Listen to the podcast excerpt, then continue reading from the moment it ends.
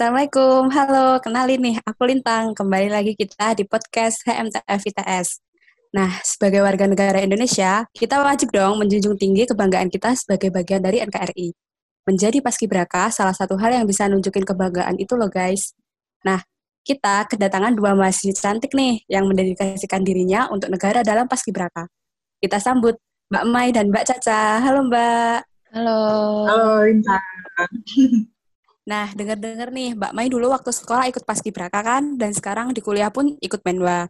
Mbak Caca dulu juga sempat jadi paskibraka provinsi kan ya? Ceritain dong Mbak, paskibraka itu apa, menwa itu apa? Mungkin dari Mbak Caca dulu, silakan Mbak.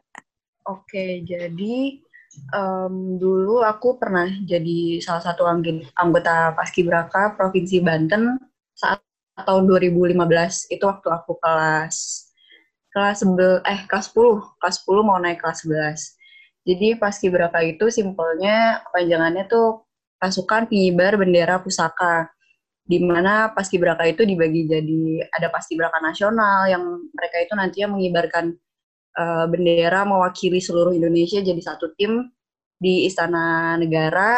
Terus ada juga yang di provinsi di mana mereka itu mewakili kota-kota mereka uh, di provinsi nantinya, terus juga ada yang di kota atau kabupaten, tapi ada juga yang di sekolah.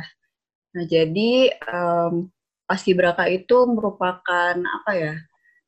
Uh, bisa dibilang delegasi pemuda-pemuda sih, pemuda-pemuda yang terpilih untuk uh, mewakilkan asal mereka untuk membantu merayakan ulang tahun Indonesia 17 Agustus gitu. Terus abis itu um, apa ya? Ya gitu sih. Sebenarnya itu pengalaman berharganya bukan cuman di bagian kita mengibarkan benderanya aja karena proses untuk mencapai hari itu tuh panjang banget. Mai juga pasti tahu kan gimana prosesnya, ya, sesusah apa bener. gitu. Hmm, kurang lebih itu sih kalau pas di berapa. Mungkin ada teman kalau, dari Ya, kalau yang main Mbak, silakan Mbak Mai. Oke, yang kalau Menwa itu sih sebenarnya Menwa itu kan kepajangan dari resimen mahasiswa ya. Jadi itu merupakan salah satu kekuatan sipil negara dalam mempertahankan NKRI. Jadi itu kita itu hampir kayak dilatih kayak semi militer gitu loh. Kan dulu itu kalau dulu uh, kita itu dipersiapkan buat bantuin uh, eh, TNI buat ngejaga pertahanan Indonesia. Tapi kalau sekarang kan keadaan Indonesia juga lagi aman-aman aja kan ya. Jadi ya kita lebih uh, tugasnya lebih ke dalam di ITS-nya aja sih di institut gitu. Jadi kayak kita bantuin rektor buat kayak misal ada pertemuan dengan rektor-rektor yang lain atau waktu wisudaan gitu. Terus juga kalau ada upacara-upacara di tingkat institut itu biasanya kita yang tugas kayak gitu sih kalau menwa. Oh gitu. Terus nih ya Mbak, kenapa kok Mbak memilih untuk berkecimpung di dunia paskibraka atau menwa? Mungkin ada alasan apa gitu? Ceritain Mbak. Uh, kalau paskibraka ya? Oke, okay, ya. okay. paskibraka. Jadi nih ceritanya waktu SMP nih, aku itu ikut upacara di gor di kotaku terus lihat ada yang ngibarin kan paskibraka itu. Terus aku kayak mikir wow keren banget sih. Jadi paskib yang ngibarin merah putih kayak sesuatu yang apa menakjubkan gitu loh bagi aku. Kayak wah aku pengen deh jadi paskib kayak gitu. Terus dulu kan cita-citaku kan pengen jadi polisi ya. Jadi terus kayak banyak orang yang bilang iya paskib itu bisa ini apa kayak ngemulisin buat jadi polisi. Jadi kayak waktu SMA itu waktu masuk pas MOS itu kayak aduh aku harus jadi paskib nih harus kepilih jadi paskib dan ya alhamdulillah karena apa ya aku juga termasuk tinggi kan. Soalnya waktu itu pas mos itu pemilihannya itu dilihat dari tinggi badan gitu. Jadi diambil seleksi pertamanya itu dari tinggi badan.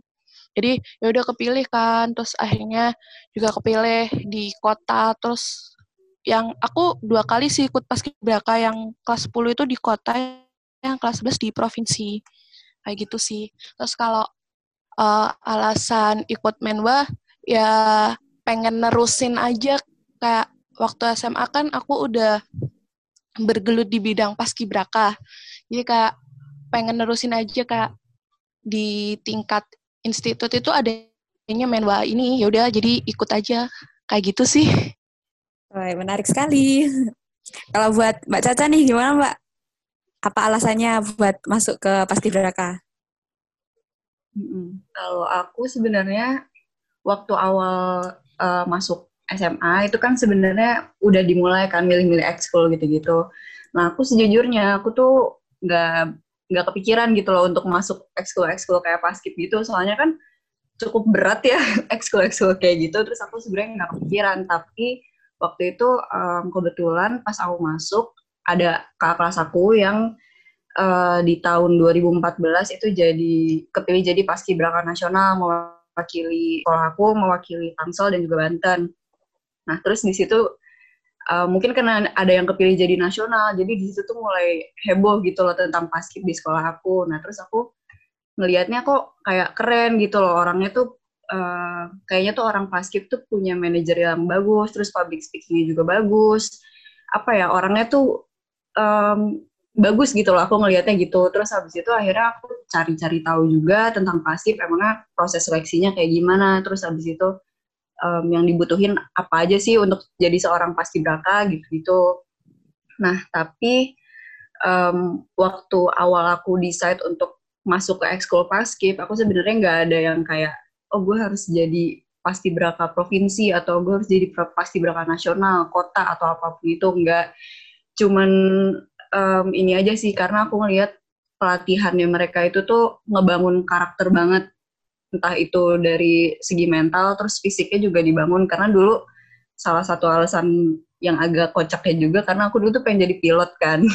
Aku sempet pengen jadi pilot terus habis itu um, aku ngelihatnya ya adalah uh, sedikit korelasinya gitu dari pelatihan fisiknya pelatihan mental segala macam gitu uh, terus habis itu ternyata alhamdulillahnya uh, lanjut ke paskibraka provinsi juga gitu Menarik ya Mbak. Uh, terus nih, ceritain ceritain lagi pengalaman menarik selama gabung di Paskibraka dan Menwa. Apa ada pengalaman apa gitu? Siapa nih Mbak? Mbak Caca dulu deh. Oh ya boleh boleh. Pengalaman menarik. Sebenarnya itu menurut aku menarik banget sih ikut Paskibraka itu karena mungkin orang lihatnya kayak apaan sih panas-panasan gitu terus kayaknya diomel-omelin segala macam aku pun juga dulu sebelum masuk basket ngelihatnya kayak gitu gitu kayak um, apa kok kayaknya berat banget latihannya gini gini gini ternyata hmm. pas taunya aku malah masuk gitu kan taunya aku malah nggak tahu kenapa masuk. Terus habis itu pas aku masuk ternyata seru banget sih seru banget. Meskipun ya kayak gitu meskipun berat tapi aku um, cukup bisa melihat value dari menjadi seorang paskibraka gitu. Selain itu aku juga um, berkesempatan untuk bertemu sama banyak orang-orang baru di provinsi Banten. Kan berarti aku ketemunya sama orang-orang yang di kota-kota lainnya kayak kota-kota kota Tangerang kota, Pandeglang gitu-gitu itu kita kumpul jadi satu mewakili Banten gitu. Dan ternyata di situ kita banyak um, bisa bertukar pikiran, terus juga uh, berbagi pengalaman di situ. Pokoknya ngumpul jadi satu ketemu banyak banget teman-teman baru. Terus kayak kita baru kenal tapi kita udah di tempat bareng itu itu seru banget sih. Dan sampai sekarang juga aku masih um, keep in touch banget sama anak-anak paskibraka provinsi Banten dan itu salah satu pengalaman yang paling berharga sih menurut aku yang aku dapat dari paskib yaitu dapat relasi banyak banget. Oke, okay, kalau Mbak Mai ceritain Mbak pengalaman menariknya yang di Menwa sama Paskip ya. Ya, ya kalau di Paskip sih yang gak jauh dari ceritanya Caca sih. Ya emang pasti orang mikirnya kayak Paskip pasti panas-panasan terus, dimarahin, digembleng, gini-gini. Tapi di balik itu semua itu kayak ada sisi positifnya gitu loh. Kayak aku pas di provinsi itu ya waktu ngewakilin kota Pasuruan di, di Jawa Timur, itu latihannya kan mulai dari subuh banget habis sholat subuh itu langsung udah suruh jogging, sudah suruh pemanasan, hmm. terus habis gitu istirahat bentar cuma mandi, terus latihan lagi di Gerahadi, istirahat sholat duhur doang, terus uh, balik lagi ke Gerahadi sampai sore. Malamnya pun masih ada materi malam, nggak bisa langsung tidur. Jadi kayak ya padat banget tapi kayak seru gitu loh banyak ceritanya dan nggak semenderita itu sih jadi paskip. Aku aja jadi paskip provinsi itu nggak nggak tambah kurs tambah ini tambah gendut gara-gara makan terus. iya. Sumpah kayak makan terus pagi habis jogging makan, terus sarapan, latihan, istirahat makan, makan siang lagi, hmm. masih malamnya makan kak. Uh, ya gitu deh. Terus kayak pelatih-pelatihnya juga kan dari orang-orang yang udah apa ya, saya udah ada udah jadi orang gitu loh, udah ada pangkat, anu terus pengalaman-pengalaman mereka yang diceritain ke kita itu juga jadi sesuatu yang berharga gitu, yang nggak bisa kita dapetin kalau apa ya ya mungkin di lain tempat kita bisa dapet tapi kak ikut paskip itu kita jadi tahu gitu loh gimana sih orang-orang itu kayak gitu. Terus waktu ngibarin bendera itu sih yang paling kayak ada perasaan apa ya kayak perasaan bangga tersendiri gitu meskipun nggak ikut yang mengibarkan ya saya kan aku waktu di paskip provinsi itu kan cuma di pasukan 45 nah itu itu tapi kayak ada rasa bangga sendiri buat ngibarin ini bendera merah putih. Kayak apa kayak ada deg-degannya gitu loh. Kayak bayangin dulu pahlawan-pahlawan waktu berjuangin merah putih ini gimana kayak gitu sih. Terus kalau di Menwa sih yang nggak jauh dari paskip lah buat di gemblengnya ya kayak gitu. Terus apalagi ya kayak ini sih saling tolong menolong satu sama lain kalau di Menwa itu yang lebih kerasa. Jadi kita kan uh, kayak diklatnya itu kan kayak kita dilepas di hutan gitu kan ya Nah, di situ kita kayak saling tolong menolong satu sama lain gitu loh. Kalau ada yang capek, kita saling nyemangatin. Terus kalau udah kayak, aduh kapan sih pulang? Udah bosen di hutan, nggak nggak lihat orang, nggak bisa pegang HP, hmm. nggak tahu harus komunikasi sama siapa. Itu kayak kita nyemangatin, ayo ayo kurang kurang berapa hari gitu. Kayak ya udah nyemangatin satu sama lain. Terus kita bener-bener mandi itu kayak satu sambil sebaju-bajunya gitu. Jadi sekalian cuci baju, sekalian mandi. Kayak seru banget sih. Hmm, kayaknya bener-bener menguras fisik mental ya mbak ini ikut paskip sama menwa ini. Tapi kayaknya iya asik sih. sih punya teman baru. Hmm, pengalaman-pengalamannya juga nggak kegantikan sih kak. Indah dikenang tapi nggak mau untuk diulang. Gak mau diulang. kan nih mbak, kan itu pasti capek banget kan ya mbak. Terus waktu tidurnya tuh gimana? Kayak ngerasa capek banget pas hari hari waktu mau ngibarin bendera. Itu ngerasa capek banget hmm. apa malah di sebelumnya tuh kita disuruh istirahat apa gimana? Um, Siapa dulu nih? mangga mangga silakan. Jadi, yeah, yeah. Mm -mm. jadi um, dulu tuh sebenarnya kita menjelang hari H itu justru malah kalau aku ya kalau di Banten itu malah semakin apa ya semakin semakin renggang sih. Karena juga mereka pasti kan ngerti ya kalau misalnya udah mendekati hari H gitu pasti deg-degannya ada. Terus habis itu fisiknya juga harus dipastiin untuk fit gitu kan. Nah terus um, yang lebih beratnya itu justru mungkin kayak minggu-minggu sebelumnya atau justru uh, bulan-bulan sebelumnya gitu sebelum mengibarkan itu emang ditempa banget. Di mana kita setiap harinya itu dijadwal apalagi ketika udah mulai masuk asrama. Jadi waktu dulu kan aku ke Tangsel dulu nih dilatih di Tangsel itu nggak nggak di asrama jadi pulang pergi. Nah tapi waktu udah mulai berapa ya sebulan kalau nggak salah sebelum se, uh, sebelum pengibaran barulah kita masuk asrama di Banten. Dan itu benar-benar dari pagi dari bangun tidur sampai tidur lagi sampai bangun lagi semua tuh diatur. Semua diatur sama jadwalnya mereka gitu. Ya udah jadi kita benar-benar ngikutin mereka makannya ngikutin dan gak boleh gak habis. Wah, pokoknya benar-benar diajarin gimana sih cara hidup yang benar tuh sebenarnya emang kayak gitu sih kalau misalnya bisa dibilang kayak cara cara hidup yang sehat dan yang benar gitu. Terus ya itu sih kurang lebih. Jadi kita dikasih istirahat dulu pastinya sebelum ngibarin supaya biar lebih rileks dan lain-lain itu gimana Mai? Iya sih sama kak kalau di Jawa Timur juga gitu sih jadi kita uh, pengukuhan itu kan kalau nggak salah tanggal 15 ya 15 malam terus kita mm. 16 itu kayak yaudah latihannya tuh kayak latihan santai doang cuma satu set ngibarin sama nurunin gitu. Biasanya kan latihannya kayak latihan PBB gitu ya. Nggak cuma ngibarin sama nurunin, tapi kayak latihan jalan, terus kadang di apa ditaruh di panas-panasan lama suruh diem biar kuat kan pas upacaranya. Nah kalau yang tanggal 16-nya itu kayak santai doang sih, nggak yang bener-bener digembleng itu. Saya bener kata Caca, kalau kita mendekati pengibaran itu pasti deg-degan kan ya.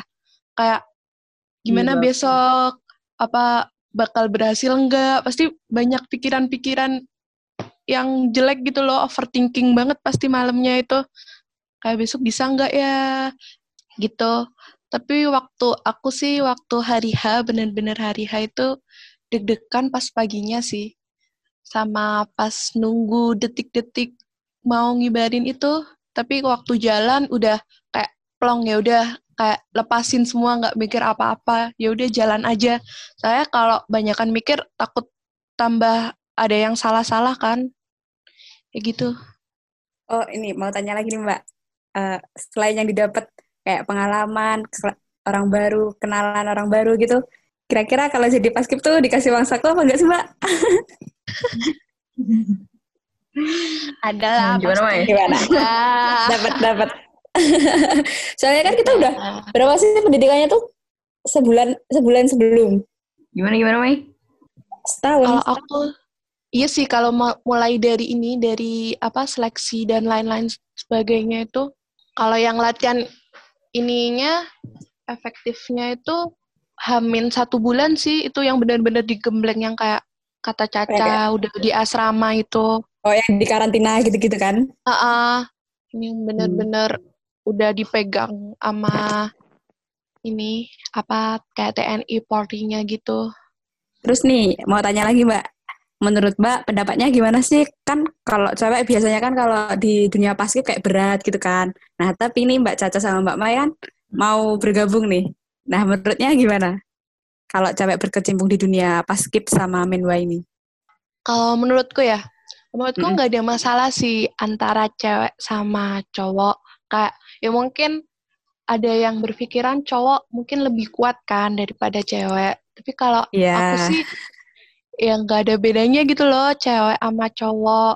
Dan kita pun kalau misal mau jadi cewek pun feminim pun masih bisa gitu di basket di manua kita nggak harus yang jadi tomboy atau seperti cowok kalau kita ikut paskib atau manua malah apa ya bener-bener jaga diri tuh apalagi di basket ya menjaga diri itu tetap ditekenin gitu loh gimana gimana kita cewek harus bisa gimana sih ngerawat muka ngerawat badan itu tuh juga ini ditekenin gitu jadi nggak selamanya kita jadi basket terus kita jadi kayak harus jadi tomboy gitu ya, tetap bisa sih. cantik setuju, kok setuju. meskipun ikut paskip atau menwa hmm, Mbak Caca mungkin mau nambahin hmm, uh, aku setuju sih sama Mai soalnya aku sendiri kan sebenarnya bukan orang yang tomboy ya. Maksudnya dibanding Mai wah Mai kan udah terkenal inilah terkenal strong gitu kan kalau di angkatan.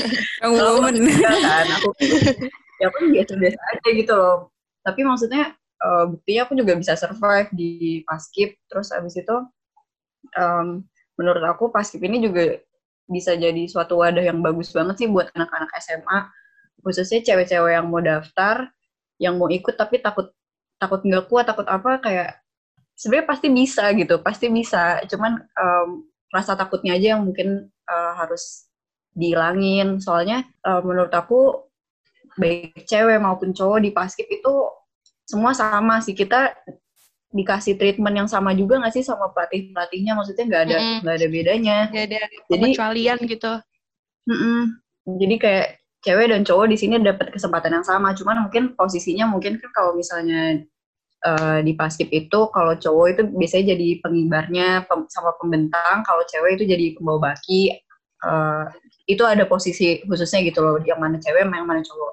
Tapi untuk kita pelatihannya berapa jam sehari, terus habis itu kita makannya apa, semuanya tuh sama antara cewek dan cowok dan apa namanya um, paskib tuh bukan hal yang terkesan ah cowok banget nih kayaknya gue nggak bisa nih kalau misalnya ikut-ikut paskib ini gini gini gini.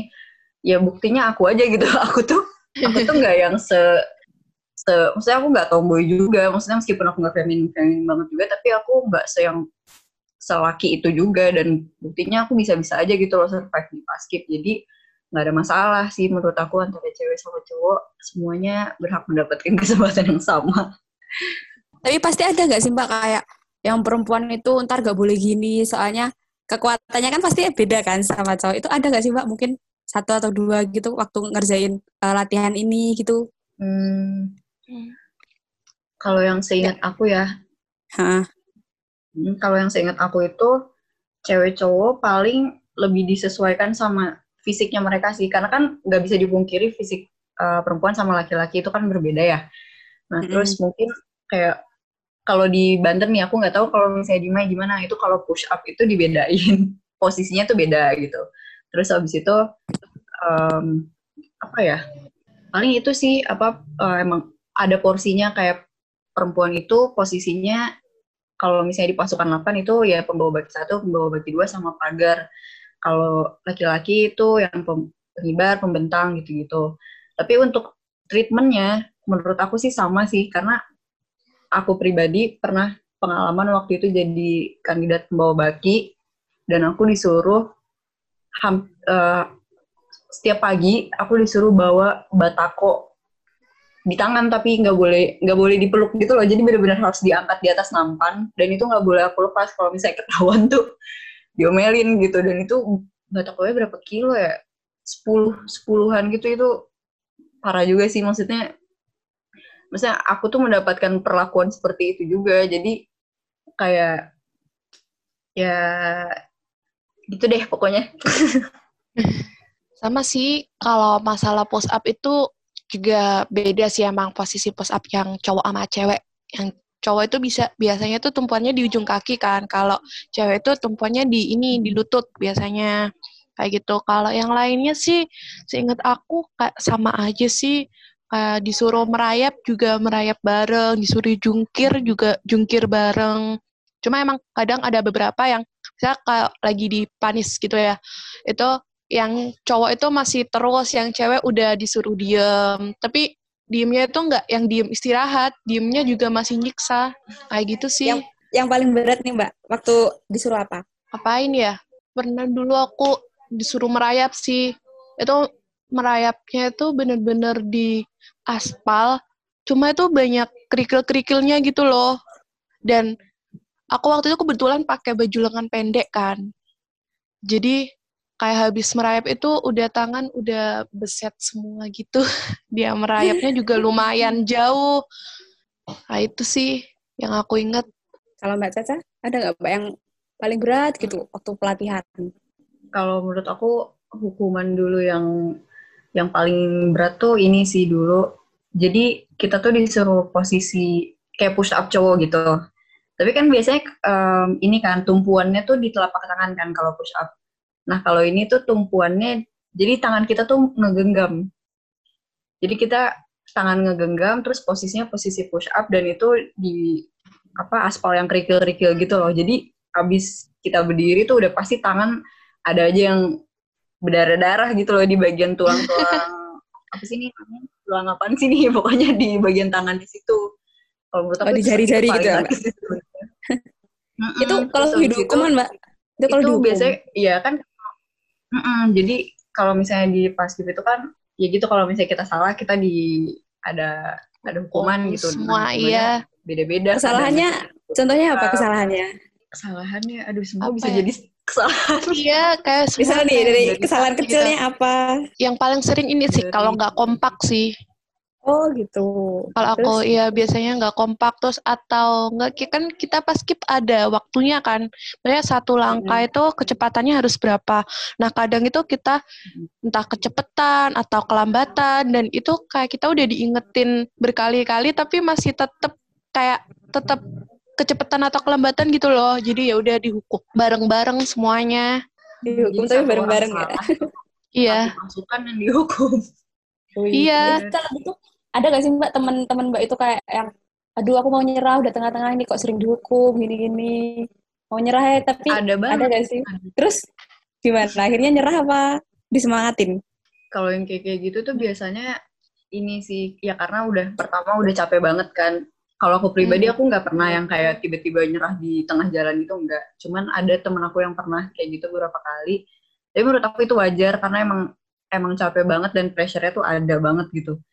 Terus um, kalau dari dia sendiri ya yang membuat dia akhirnya tetap tahan di situ ya karena teman-temannya, karena teman-temannya yang nyemangatin gitu. Jadi apa faktor support dari teman-teman satu pasukan kita tuh penting banget sih untuk keberlangsungan kita nantinya gitu. Kalau di Menwa Mbak, misal kita masuk Menwa nih, terus sudah latihan. Mm -hmm. Nah, kan Menwa kan ya ada yang nyerah pasti ya kayak berat gitu. Yeah. Itu bisa nggak sih mbak keluar di tengah-tengah? Sebenarnya kalau misal keluar di tengah-tengah bisa sih. Malah dulu tuh banyak angkatanku juga yang satu angkatan sama aku di Manwa itu banyak yang keluar di tengah-tengah. Kalau di Manwa itu kayak ada beberapa tahapannya gitu kan pelatihannya dulu waktu zamanku. Nah itu ada yang kayak udah dari pelatihan satu ke pelatihan dua itu ada yang nyerah, ada yang apa ya kayak tiba-tiba ngilang nggak bisa dihubungin kayak gitu sih.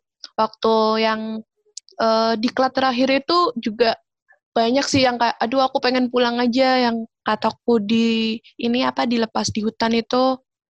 Ya banyak yang kayak aduh aku pengen pulang aku udah nggak tahan gitu. Tapi ya kayak kata Caca tadi sih sebenarnya yang kuatin itu ya teman-teman kita. Karena kayak kita lihat teman-teman kita misalnya ya kita lagi down terus lihat teman-teman kita masih semangat pasti kita kayak aduh teman-temanku aja semangat masa aku harus down sih? Kalau aku gitu sih kayak ya, jadinya bener, semangat bener. lagi kayak gitu. Paling enggak ya paling enggak aku menderitanya nggak sendirian gitu loh. Aku menderitanya hmm. bareng-bareng dihukum juga nggak aku doang yang dihukum banyak teman-teman aku yang juga dihukum jadi ya udahlah kita jalanin bareng-bareng toh pada akhirnya bakal selesai gitu sih Hmm. Terus kayak balik lagi sih ke tujuan awal kita tuh ikut ini tuh apa gitu. Jadi mm -mm. ketika kita udah di tengah-tengah dan tiba-tiba pengen keluar gitu, ya mikir juga karena kita udah sejauh ini masa yeah. sia-sia gitu loh. Rewardnya kita belum dapat. Ah, Jadi ah, bener, ya udah jalanin aja. ya kan? Eh, kalau motong di tengah jalan tuh kayak ya udah aku dari awal sampai sekarang udah capek tapi nggak dapat apa-apa kalau sampai ya, akhir kan banget. kita dapat sesuatu gitu ya kayak iya, nanggung ya, kalau harus motong di tengah jalan lanjutin aja kayak sayang gitu kayak sih mbak Ah, kayak bener banget. Ini susah-susahnya kita buat apa gitu kalau kita keluar. yang latih kalau main siapa mbak? Yang latih menwa? Kalau dari menwa itu dari senior seniornya sih. Kayak dari hmm. alumni alumninya itu kan juga ada yang udah kayak kecimpung di dunianya gitu kan ya itu kayak balik lagi kasih materi kayak gitu terus juga kadang seniornya juga udah ikut pelatihan-pelatihan yang di luar menwa kan jadi kayak ada pelatihan dari TNI atau dari badan-badan pelatihan yang lain kayak gitu jadi kayak kita sharing ilmu gitu sih Oh berarti kalau di klat itu yang senior senior itu datang yang udah alumni alumni itu datang juga. Mm -mm, mm -mm. Diklatnya di mana aja mbak? Diklatnya adalah di sekitaran ITS. Kita oh. kalau ya di sekitaran ITS terus kalau yang di hutan itu di daerah Mojokerto situ sih biasanya, tapi tergantung angkatan juga. Kayak kita nggak nggak ada pakem harus diklat di sini, di sini, di sini terus diklatnya kayak gini. Enggak. Jadi kita disesuaikan juga sama ini calon menwanya juga. Nih, setelah bergabung di Paskibraka sama Menwa, mau tanya perasaannya Mbak Caca sama Mbak Mai nih. Jadi makin bangga nggak sih Mbak sama uh, jadi warga negara Indonesia ini atau biasa aja gitu? Uh, makin bangga sih pasti ya. Kayak aku sih kayak ngerasanya aku lebih bisa menghargai jasa para pahlawan gitu loh. Kayak aku ngerasa aku yang udah di negara yang udah merdeka, yang udah aman-aman aja, itu sesusah ini buat perjuangin buat ngibarin bendera. Apalagi dulu mereka pahlawan-pahlawan pas lagi perang, lagi ngelawan penjajah buat ngerebut kemerdekaan. Kayak gitu sih kayak lebih ya aku berarti harus ngasih lebih nih ke Indonesia. Kayak gitu sih. Bener banget nih. Kalau Mbak Caca, gimana nih Mbak perasaannya? Ya, aku setuju banget sih sama Mai. Jadi pengalaman aku di Paskibraka ini bikin aku sadar juga gitu loh. Ternyata um, untuk mengibarkan bendera itu nggak se nggak semudah yang kita lihat di TV-TV gitu.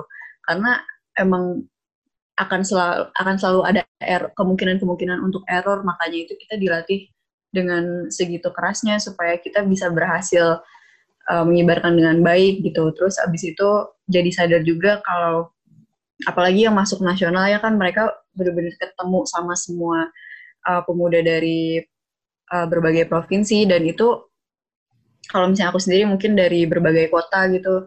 Terus kita di situ apa menyatu dengan visi yang sama dengan tujuan yang sama yaitu untuk berkontribusi gitu loh di Hari Kemerdekaan Indonesia dan itu menurut aku suatu kebanggaan yang sampai sekarang juga kalau misalnya aku inget-inget itu luar biasa banget sih. Tapi sayang banget ya kali ini yang tahun ini nggak ada pas kibraka sih gara-gara corona. Ya bener banget. sayang banget. Pakai pakai pas kibraka tahun lalu nggak sih mbak? Yang ini tahun ini? Iya. Yang di nasional itu manggil delapan orang yang dari tahun lalu. Di Jawa Timur juga ini sih kayak manggil-manggil juga tapi ya gitu kayak seleksinya tertutup gitu.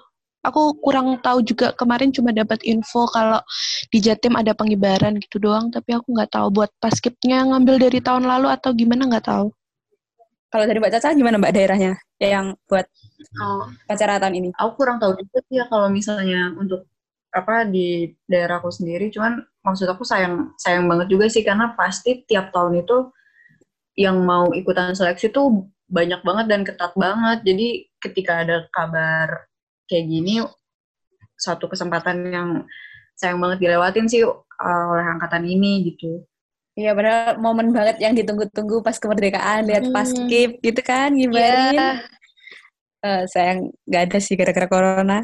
Ya, apalah. Ya. last question nih. Sebentar lagi kan mau merayakan kemerdekaannya yang ke-75 tahun Indonesia. Mungkin dari Mbak punya beberapa pesan buat teman-teman kita biar makin bangga sama negara kita tercinta ini. Sama ya buat tambahan pesan buat yang angkatan ini, yang tahun ini nggak bisa ikut paskip kan? Mungkin ya, ada pesan-pesan yang mau disampaikan? Kalau pesan ya, ya intinya sih kita kan sekarang udah ini kan udah nggak dijajah, katanya udah merdeka. Tapi menurut aku sih kita belum merdeka sih, soalnya kita masih banyak sekali kayak kerusuhan di mana-mana, kayak kita masih sering debat antar warga negara, kayak toleran toleransinya juga masih kurang. Menurut aku uh, buat mencintai Indonesia itu nggak susah kok, cukup kita toleransi antar warga negara, terus menjaga kesatuan, saling menghargai satu sama lain itu cukup kok. Karena bangsa yang kuat kan juga dari warganya sendiri kan. Kalau warganya pecah belah gimana kita mau jadi kuat gitu loh.